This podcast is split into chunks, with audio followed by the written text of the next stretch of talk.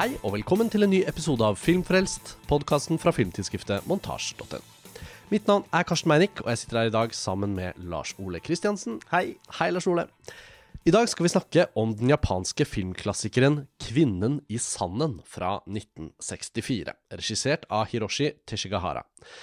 Denne filmen hadde sin opprinnelige verdenspremiere på filmfestivalen i Cannes, der den vant juryens spesialpris, og ble senere Oscar-nominert både for ikke-engelskspråklige film og regi til Teshigahara. Og dette er en film jeg aldri har sett før, og jeg følte anledningen var veldig god nå som den skal vises på de digitale cinematekene rundt omkring i landet. Og flere av lytterne våre har etterlyst at vi skal snakke mer om japansk film her på podkasten, så da var det liksom to ting som matchet opp eh, bra. Ja, eh, og denne filmen her har jo en viktig posisjon i japansk filmhistorie. Ikke minst fordi den markerer en slags sånn kulminasjon av måten den japanske nybølgen tar opp i seg eh, inspirasjon fra europeisk modernistisk film på. Eh, nå er det ikke sånn at avantgardistiske uttrykk eh, er noe nytt i japansk film på 1960-tallet. Det kan man se mange eksempler på også tidligere i filmhistorien, f.eks. i Kinugasa sin A Page of Madness fra 1926. Mm. Men eh, den japanske gullalderen, som man pleier å si at utspiller seg fra liksom midten av 1940-tallet og, eh, og hele 1950-tallet, der eh, filmskapere som Ozu, Mizuguchi, Kurosawa og Naruse er eh, sentrale. Mm. De beskjeftiger seg liksom ikke helt med en, eh, et modernistisk filmuttrykk som ligger tett opp mot det man f.eks. ser at Antonioni gjør i Italia, og René eh, mm. gjør i Frankrike mot slutten av 50-tallet, begynnelsen av 60-tallet. Selv om f.eks. Rashomon ikke sant, helt utvilsomt er å eh, anses som en modernistisk film. Men den japanske nybølgen eh, markerer tross alt et brudd da, mot det man på dette tidspunktet allerede kan kalle en slags japansk filmtradisjon. Og Techigahara er da et sentralt navn i den japanske nybølgen, i tillegg til Nagisa Oshima og Seijun Suzuki f.eks. Altså for dette er sånn periode av filmhistorien hvor uh, jeg føler personlig da, at jeg har begynt å tappe fra den kranen. Og da er det jo naturlig å starte med de mest berømte filmskaperne. Helt tilbake fra da jeg gikk på filmskole, så var det liksom der det var naturlig å starte. Med Kurosawa og Ozu og sånn. Og jeg føler fortsatt at det gjenstår for meg å komme dypt nok ned i den brønnen da, til å komme til noen av disse andre eh, filmskaperne. Og Teshikahara her, han har jo vært en sånn figur som jeg har sett navnet til, og ikke minst 'Kvinnen i sanden' har ved så mange anledninger blitt nevnt som en uh, betydningsfull klassiker. Men jeg har aldri liksom lest om plottet, aldri helt visst hva den handler om. Sett noen stills, og så kom den jo ut på Criterion eh, Collection sammen med to andre av hans filmer for 15 år siden, eller noe sånt.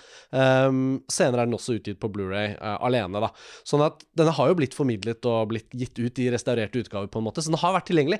Uh, men nå bød endelig anledningen seg, litt fordi det pushet seg frem, nå som den skal vises i Norge.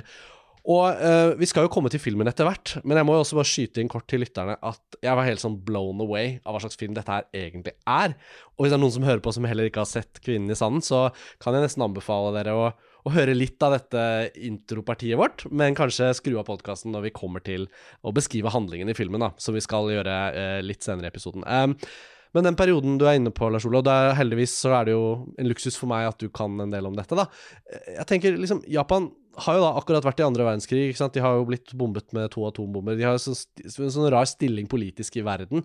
Et sånn rasert land, men som også blir gjenoppbygget. Altså, den fasen du beskrev med den japanske nybølgen liksom på 60-tallet, er det noen miljøer f.eks. som Teshigara kommer ut av der, som er en del av en kunstscene for øvrig? Jeg har lest bare litt grovt om det, men det er liksom spennende å skjønne hvem han er da, i den sammenhengen. Ja, altså han er jo en spennende type, Hiroshi Teshi Gahara. Født inn i en kunstnerfamilie. Eh, hans far, Sofu, var eh, en berømt pottemaker, kalligrafimester, eh, ikebana-kunstner. Ikebana er blomsterdekorasjoner, eh, som er noe som tas på alvor i Japan på en helt annen måte enn i kanskje noen andre land i, i verden. Og det var nok forventet eh, av familien at uh, sønnen til Sofu Hiroshi skulle overta sin fars uh, rolle uh, og på en måte bli den nye mesteren. Men stikk i strid med hva de forventet, så forelsket han seg i filmkunstens muligheter. Han, ja. hadde lenge eksperimentert med ulike kunstuttrykk. Han var en svært talentfull maler, f.eks., inspirert av Picasso, men eh, ble gradvis mer og mer eh, trukket mot filmkunsten. Og det skjedde annet i et helt spesifikt miljø, apropos det du egentlig spurte om. Ja, ja. Fordi på det såkalte Sogetsu-senteret i Tokyo så oppsto det en slags bevegelse som ble kalt for Century Club, som trakk til seg eh, kunstnere som ønsket å eh, arbeide med avantgardistiske uttrykk. Og de hadde det også til felles at de sognet til en eh, ja, en ideologi som var tydelig påvirket av kommunismen. Eh, og de anså seg selv for å være progressive og kritiske til japanske tradisjoner og litt sånn Kanskje litt inntørkede måter å, å gjøre ting på. Og den mest sentrale skikkelsen i denne klubben, eller denne bevegelsen, det var da forfatteren Kobo Abe, som Teshigahara endte opp med å samarbeide med i bl.a. Uh, en kvinne i sanden. Dessuten også Toru Takemitsu, den berømte japanske komponisten som for de fleste kanskje er mest kjent for sitt bidrag til Akira Kurosawas Ran, men som også gjør et helt utrolig arbeid i 'Kvinnen i sanden'. Ja, faktisk. Eh, påfallende. Altså, det er mye å snakke om i denne filmen, men eh, å, det er spennende å høre, fordi den epoken uh, som Teshigara vokser frem i i japansk film, er jeg jo veldig blank på. Men det er jo veldig spennende å høre om disse bevegelsene og det man ikke da uh, kjenner til. Og filmen inspirerer jo voldsomt til å sette seg inn i hans uh, kunstnerskap og hans andre filmer. Um, han var 37 år gammel da han lagde 'Kvinnen i sanden'. Um, og vi får gå liksom inn i denne filmen. da. Du har jo nevnt allerede komponisten og forfatteren av boka, som uh, filmen er adaptert fra. Men åpenbart at de hadde et så nært samarbeid som kunstnere, gjør jo at det på en måte ikke bare er liksom en klassisk tilfelle av adaptasjon, nødvendigvis, men at det er veldig tett samarbeid. Og skjønte at han også har skrevet manuset, han forfatteren. Ja, i samarbeid med Eiko Yoshida. Eh, og så har jo da også AB eh, skrevet eh, filmene som ble laget forut for og etter Kvinnen i sanden. Uh, Pitfall og The Face of Another er ja. de engelske titlene. Nå husker jeg ikke de japanske. og det er den trilogien som ble utgitt på Criterion, og som nå er out of print, vet jeg. Mm. Den uh, eh, DVD-boksen fra midten av 2000-tallet. Men heldigvis har sikret ja. Ok, men da, da, er vi fremme da på en måte ved Kvinnen i sanden. Og uh, jeg gjentar en siste gang. De av lytterne som har lyst til å bare se denne filmen uten å vite noe, sånn som i hvert fall jeg gjorde, kan jo benytte anledningen. Og nå som vi skal snakke om den, så blir det vanskelig ikke beskrive filmen i detalj, for det er en veldig detaljrik film, og jeg syns den var Altså, jeg sendte deg en kort melding etter at jeg hadde sett den, Lars Ole, og jeg kunne ikke si noe annet enn bare sånn denne filmen var jo helt enorm! Hvor har den vært hele mitt liv? Altså, og Jeg elsker det jo, og jeg syns det er greit å være ydmyk om klassikerne man ikke har sett. Ja. Til slutt så får man jo sett dem, og da får man disse aha-opplevelsene. Og for meg var det Jeg kan ikke huske sist jeg så på en måte en klassiker jeg ikke har sett, som var så bra på sånne ting som er så sjeldent. En ting var eh, på Wiler-podkasten at jeg syns Ben Hur viste seg å være veldig bra. Mm -hmm. Og det var veldig kult å oppleve at ja. den eh, var så bra som folk har sagt. Men dette her er på et helt annet nivå. For dette er jo, for det første er det et virkelig kunstverk. Ja, det er en film, og den har karakterer, og den har på en måte et plott som drives fremover, men først og fremst føles den som en sånn vanvittig rik film i form av å være et visuelt kunstverk, en allegori, en veldig sånn symbolsk idé til hvordan du kan liksom ta en scene eller en handling og få den til å handle om så mye mer, men hele tiden holde deg tro mot den ideen. da. Og premisset her er jo da at en eh, mann, spilt av Eiji Okada, som mange sikkert husker fra Hiroshima Mon Amour, der han spiller mot uh, Emanuel Riva Han uh, er Hva er det? Etym, uh, Etymolog. Insektforsker, men ja, ja amatøretymolog, da. Ja, han er han lærer. jobber vel som lærer. Ja, I Tokyo, og er ute ved disse sanddynene, som er et sted, er det ikke det, i Japan, jeg skjønte sånn, på vestkysten. og han tusler rundt på stranden der og plukker opp insekter, og, stemningen i filmen settes jo umiddelbart, egentlig før man skjønner hva som skal skje, uh, i form av bildespråket, lyden, vind, musikk osv. Og, så um, rekker han ikke bussen hjem. Nei. Og så er det noen vennliginnstilte landsbyfolk Deliverance-style, eller hva vi skal si. Mm, du kan ikke du bare overnatte her, da? Det er noen sånn hus nedi sanden her som Kan du bare overnatte til i morgen? Og så blir han liksom heist ned i en sånn grop, hvor det er en ganske skralt sammensatt trebygning, en liten hytte nede i sanden, hvor det bor en dame. Og der uh, får han overnatte. Og når han våkner dagen etter, så innser han at den taustigen ikke lenger uh, er der, uh, på denne ja, skal vi si 15-20 meter sånn bratte liksom, klippen i sanden ned mot dette hullet hvor huset ligger. Og så er han rett og slett fanget, da. Og så utspiller det seg et lite slags kammerdrama mellom han og denne kvinnen i sanden, som han da blir kjent med. Syns du det var en grei beskrivelse av liksom, utgangspunktet her? Helt klart, og jeg var så heldig å ha samme opplevelse som deg. Eh, og det høres jo i grunnen veldig merkelig ut, med tanke på at jeg faktisk har sett eh, mange av dokumentarene til Teshigahara, som stort sett handler om kunst. Han har laget en utrolig flott uh, portrettdokumentar om sin far, som heter uh, 'Sculptures by Sophie Vita'. En film om Ikebana som heter Ikebana. uh, og ikke minst en fantastisk film om Antonio Gaudis mm. kunst, hans arkitektur. Wow. også en film som bærer hans navn, og som egentlig bare består av levende bilder av hans verker satt til Toru Takemitsus svært suggererende mm. musikk. Ja, for det høres jo ut som at Shigara ikke endte opp med å bli en sånn typisk skal vi si, fiksjonsfilmskaper eh, bare. Og han, eh, han, han, gikk jo bort i 2001, så det er jo noen par tiår nå siden han døde, men Ja, han um, også har tatt pauser fra det å jobbe med film. Altså, han begynte jo faktisk å jobbe på faren ja. sin i Kebana-skole på et tidspunkt. Jeg skulle til å spørre, kom han tilbake til ja, familien nå? Men det pussige her, da, for min del, er at den absolutt viktigste filmen hans å se, det er jo eh, 'Kvinnen i sanden', som, som, jo regnes for å være et av de virkelige mesterverkene i japansk 60-tallsfilm. Eh, Men den uh, hadde jeg da, av ubegripelige årsaker, skjøvet foran meg. Jeg tror det har med spilletiden å gjøre. Uh, at uh, det gjerne blir sånn at filmer som er lengre enn to timer, ofte bli byttet ut med noe som føles enklere å få sett der og da. Og det har nok dessverre rammet denne filmen i årevis. Eh, og dette melder jeg da i skam, fordi jeg syns det har vært veldig pinlig at dette her har uh, forblitt et hull med tanke på at jeg er uh, såpass interessert i japansk film. Desto mer utrolig var det å, å innse hvor viktig det var mm. å, å oppleve kvinnen i sand. For det, dette her er jo virkelig, som, som, du antydet innledningsvis, Karsten, noe helt spesielt. Ja, og den kan liksom ikke anbefales varmt nok. Og jeg må jo skylde litt på folk, da, opp gjennom årene.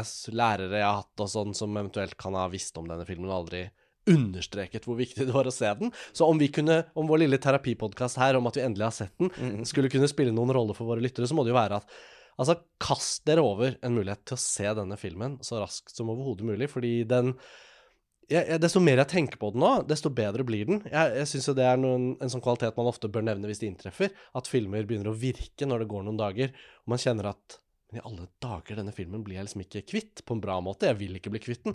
Og jeg syns den har så mye Og nå sa jeg jo hva omtrent plottet er, men det er jo ikke egentlig en beskrivelse av hva filmen gjør, eh, og det får vi jo nesten på en måte prøve å gjøre nå, da, Lars Ole. Er jo et klasseeksempel på det man snakker om når man prøver å si at film er visuelt. At mm. film er en kunstform hvor du har muligheten til å gjøre ting med lyd og bilde og stemninger som ingen annen kunstform helt kan gjøre. Og det er så virkningsfullt akkurat i denne filmen hvordan Teshigara anvender seg så lekent òg av alle kameraets muligheter, til tross for at han befinner seg på dette veldig begrensede stedet, da, nedi denne gropen, fullt av sand. Utrolig vakkert fotografert av han Hiroshi Segawa, eh, svart-hvitt. Og sand er jo et element, nærmest. Um, og, Bærende motiv i, i, filmen. Og på mange måter litt sånn symbolsk ting. Og han vet å bruke det på en så fantastisk måte fordi ja, han kommer seg ikke da ut av denne gropa. Og etter hvert så Han, han får jo også eh, gradvis sånn aksept for sin situasjon. Og det er også veldig sånn flott dramatisk skildret. At han går fra sånn Herregud, dette kan ikke være sant. Jeg må komme meg ut. Hvordan kommer jeg meg ut? Eh, og, og, så begynner han å akseptere litt mer, og så bare går han rett ned i mørket og bare sånn Dette er livet mitt, da, hva skal jeg gjøre nå? Og så begynner han å bli mer sånn forsonet med hvordan kan jeg leve et liv her nede, da, sammen med denne kvinnen i sanden. Og underveis der så syns jeg bruken av da disse veggene av sand, sandkorn som legger seg på huden de, de, må hele tiden grave sanden opp og heise det opp til disse landsbybeboerne som da har fanget dem. Fordi den sanden skal selges eller brukes i noen sånn byggearbeider. Det er noe, en eller annen form for sånn her, ja, Veldig ubestemmelig. ja, med en slags liten sånn sirkulær økonomi, da. Ja. Som hun kvinnen i sanden forklarer til denne mannen som da fanges sammen med henne. Og så etter hvert så er det jo en relasjonsfortelling om hvordan de to finner sammen. Og det at man ikke kan kontrollere sanden, det at den er i bevegelse hele tiden, og at hele filmen er som en eneste stor sirkelbevegelse, mm. det blir jo noe eh, altså utpreget absurd, da. Mm. Som eh, Teshi Gahara er innmari god på å levendegjøre, som du påpeker, gjennom bilde og lyd alene. Bare lyden av sand i filmen mm. blir jo etter hvert altså, enerverende. Mm. Man får jo følelsen av å selv sitte og børste sand av klærne eh, mens man ser filmen. Ja, og det er både en film som spiller på elementer fra horrorfilmen, I den grad at det er en veldig uhyggelig situasjon. Jeg tenkte på uh, en wide range, holdt jeg på å si, av filmer som minner om alt fra Og dette er en veldig vag sammenligning, men sånn, ta sånn Get Out, da, av nyere filmer. Mm. En, kom, en, fyr kommer til et sted inntil ja, ja. vannet, ikke sant, og så blir han fanget av uh, hva nå enn det er. Deliverance i form av liksom man er på et sånt landlig sted, landsbybeboerne er en uhyggelig nærvær. Der er det ikke fanget på den samme måten. Men det alle disse filmene. Men så er jo ikke 'Kvinnen i sanden' uh, i sitt uttrykk egentlig en horrorfilm på den måten. Og når nei, den blir en, si. Nei, men når den blir en relasjonsfortelling, så er den jo plutselig også en veldig sånn erotisk ladet fortelling. Mm. Fordi den blir, den blir jo på en måte en allegori over bare mennesket, da. Som i all sin slitasje må akseptere at man lander litt i en grop der, og så er man der med noen mennesker man har blitt tildelt. Og så er det ingen, ingen vei ut av det. Så må du De nødt til å liksom finne ut av det ja. med hverandre, og ja. det oppstår en ja, Jeg vil ikke si en gnist, men uh, Lavmælt aksept. ja, og de er nødt til å få utløp for, for begjær. Mm. Og der er det noen utrolig flott, uttrykksfullt klippede uh, sexscener der også sanden skrapende langs huden mm. har en uh, viktig Og hele tiden rolle. han Takemitsu, komponisten, som er sånn nærværende. Og, og musikken hans er ofte sånn sandpapir mot det filmen ellers gjør. Der hvor filmen kan være vakker i bildene, så kommer musikken og vrir og knuser stemningen. Og så motsatt. Når filmen er grusom, så kommer musikken og liksom Det er veldig flott dynamikk da, i bruken av Alt fra liksom små akkorder til helt sånn abstraksjoner eh, hvor på en måte musikken nesten blir til en form for sånn skrikende lyddesign. Minner om Penderecki, eh, ja. Bella Bartok, Arne Norheim. Spennende. Mm. Eh, så det, det, filmen er så rik på alt dette her. Det er sånn drømmesituasjon. Tenk om denne filmen var ny og kom på en festival vi dro på. Altså, man hadde jo blitt helt slått i bakken. Altså, det er også noe med at uh, filmen har en så original idé, og at den uh, lykkes med å få så mye ut av premisset. Mesteparten av filmen utspiller seg jo da inni dette trehuset, plassert dypt nede i sandgropa. Men eh, Teshi Gahara lykkes med å få veldig mye ut av huset visuelt. Altså bare måten han komponerer bildene på, eh, sier gjerne noe om rollefigurenes tilstander. Han plasserer entomologen eh, ofte tett opp mot eh, litt sånn eh, loddrette figurer i bildet, mens kvinnen i sanden plasseres med horisontalt. Mm. han skaper på finurlige måter kontraster mellom de to. Og så, på et eller annet tidspunkt der, så kan man jo få inntrykk av at dette er en sånn kjønnskampfilm à la Antichrist.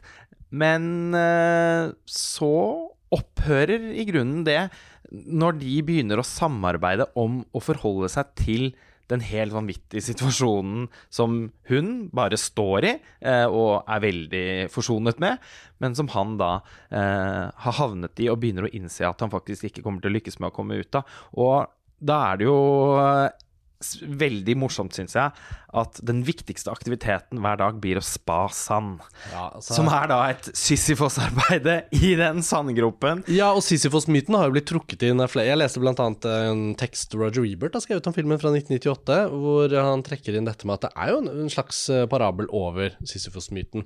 Og um, jeg syns jo hele det mytologiske aspektet her er veldig spennende, fordi man regner med at en del ting kanskje blir forklart underveis, sånn som hvordan kom hun dit i utgangspunktet. Eh, og likevel så avstår da Teshikahara fra en del sånne forklaringer. Men filmen blir heller ikke vag, fordi det er veldig konkret hva som skjer dem imellom, og hvordan han eventuelt blir inspirert nå da til nye rømningsforsøk eller nye løsninger på situasjonen og sånn. Sånn at filmen er jo ikke veldig uh, stillestående, utrolig nok, selv om den utspiller seg på dette ene stedet. Uh, og, og, så er det jo selvfølgelig et par avbrekk fra fra blant annet en sånn grusom sekvens hvor landsbybeboerne samles rundt eh, kanten av denne gropen og krever at eh, paret der nede skal liksom ha seg til deres forlystelse og underholdning. Og de bringer liksom instrumenter og trommer og, og masker og Det er veldig sånn stemningsfull og fakler, sekvens. Som eh, kaster et lys som jo da ser ut som lyskastere. Eh, plutselig så blir det jo en scene et slags TV-show. Ja. Og her begynte jeg jo, på det tidspunktet begynte jeg faktisk å tenke på The Truman Show. Ja, liksom Hunger Games, alle disse her ja. som liksom iscenesetter en sånn verden hvor mennesket liksom kjemper en kamp på liv og død, kanskje, eller til forlystelse for andre. Ja, hvor mennesket blir liksom plassert i et terrarium ja. med folk som peker ja. og ser på. Ja. På utsiden sånn var det i en uh, tegneseriestripe til Gary Larsson. Og jeg tenkte litt på det i, i forbindelse med hans aktivitet som sånn insektsamler. Mm. At man kan jo også Apropos litt, Gary Larsson. Ja, og man kan jo litt se for seg at man zoomer ut, og så er han på en måte også et insekt som er blitt samlet Definitivt. og plassert nedi der. ikke sant? Så, ja. Men alt dette vi da setter ord på, hva vil du si at det egentlig handler om, Lars Ole? Ja, ikke sant. Uh, det er en uh, nøtt uh, å knekke, fordi det eksisterer veldig mange fortolkninger av hva Abe har forsøkt å si med sin roman, og Teshiga Hara med, med sin film. Det er klart at det kan jo virke som at filmen, også med tanke på eh, dette eh, Century Club-miljøet, da, på en eller annen måte kanskje er en algori om et diktatur. Altså, ja. eh, hvis mennesket sliper seg selv og sine egne behov helt ned, så er det mulig å finne en lykke ved å på en måte tjene den større sammenhengen eller fellesskapet. Og, men samtidig så er jo filmen skråblikk på det eh, i så fall en kritikk, eh, som da ikke nødvendigvis eh, eh, vil eh, være liksom et opplagt resultat av en kommunistisk orientert eh, kunstnergruppe. På den andre siden så er jo kollektivtanken så fundamental i det japanske samfunnet, og er det fortsatt den dag i dag. Så at filmen på en eller annen måte også eh, sier noe om Japan, er nærliggende å tenke. Så har filmen også både noe tidløst og litt sånn eh, ikke stedsbundet over seg. Altså, jeg tenker jo også at denne filmen kunne vært laget i f.eks. Italia på 60-tallet. Mm. Eh, og vært en like effektiv algori for hva man nå enn ønsket å projisere inn i, i filmen. Så er, den er jo på en måte også litt et speil. Altså, det du plasserer foran den, vil eh, skinne tilbake på det. Mm. Og det kan jo høres ut som en slags innvending, og jeg vet at enkelte kritikere også i forbindelse med premieren i Cannes eh, opplevde filmen som poserende og for eh, åpen for sitt eget beste. At den kanskje eh, forsøkt å skjule en eller annen manglende kjerne. Men da tenker jeg at man har misforstått eh, litt hva Tishigahara prøver på, da. Ja, så er det jo et eller annet litt sånn pulpy over den nå, som eh, må settes pris på. Altså, det er jo egentlig en skikkelig sånn underholdningsfilm, bare laget i i skalkeskjul av å være en kunstfilm, på en måte. Og, og apropos eh, det vi snakket om innledningsvis, da, at filmen er tydelig inspirert av europeisk 60-tallsfilm så er jo det også tilfellet for New Hollywood. ikke sant? Eh, den nye generasjonen med filmskapere i Hollywood på eh, slutten av 1960- og utover 1970-tallet som eh, på en måte bruker den tradisjonelle hollywoodske filmfortellingen som et fundament, men leker seg med å implementere trekk fra europeisk modernistisk film, bl.a. for å skape en rikere karakterpsykologi, inkludere flere komplementærscener som eh, skal gi en fylde og, og dybde til eh, fortellingen. Den ytre fortellingen blir skjøvet Eller altså, den blir i alle fall gjort litt mindre viktig enn det som var tilfellet i Hollywoods gullalder, f.eks. Og eh, egentlig så slo det meg underveis at Teshigahara får til mye av det samme i 'Kvinnen i sanden'.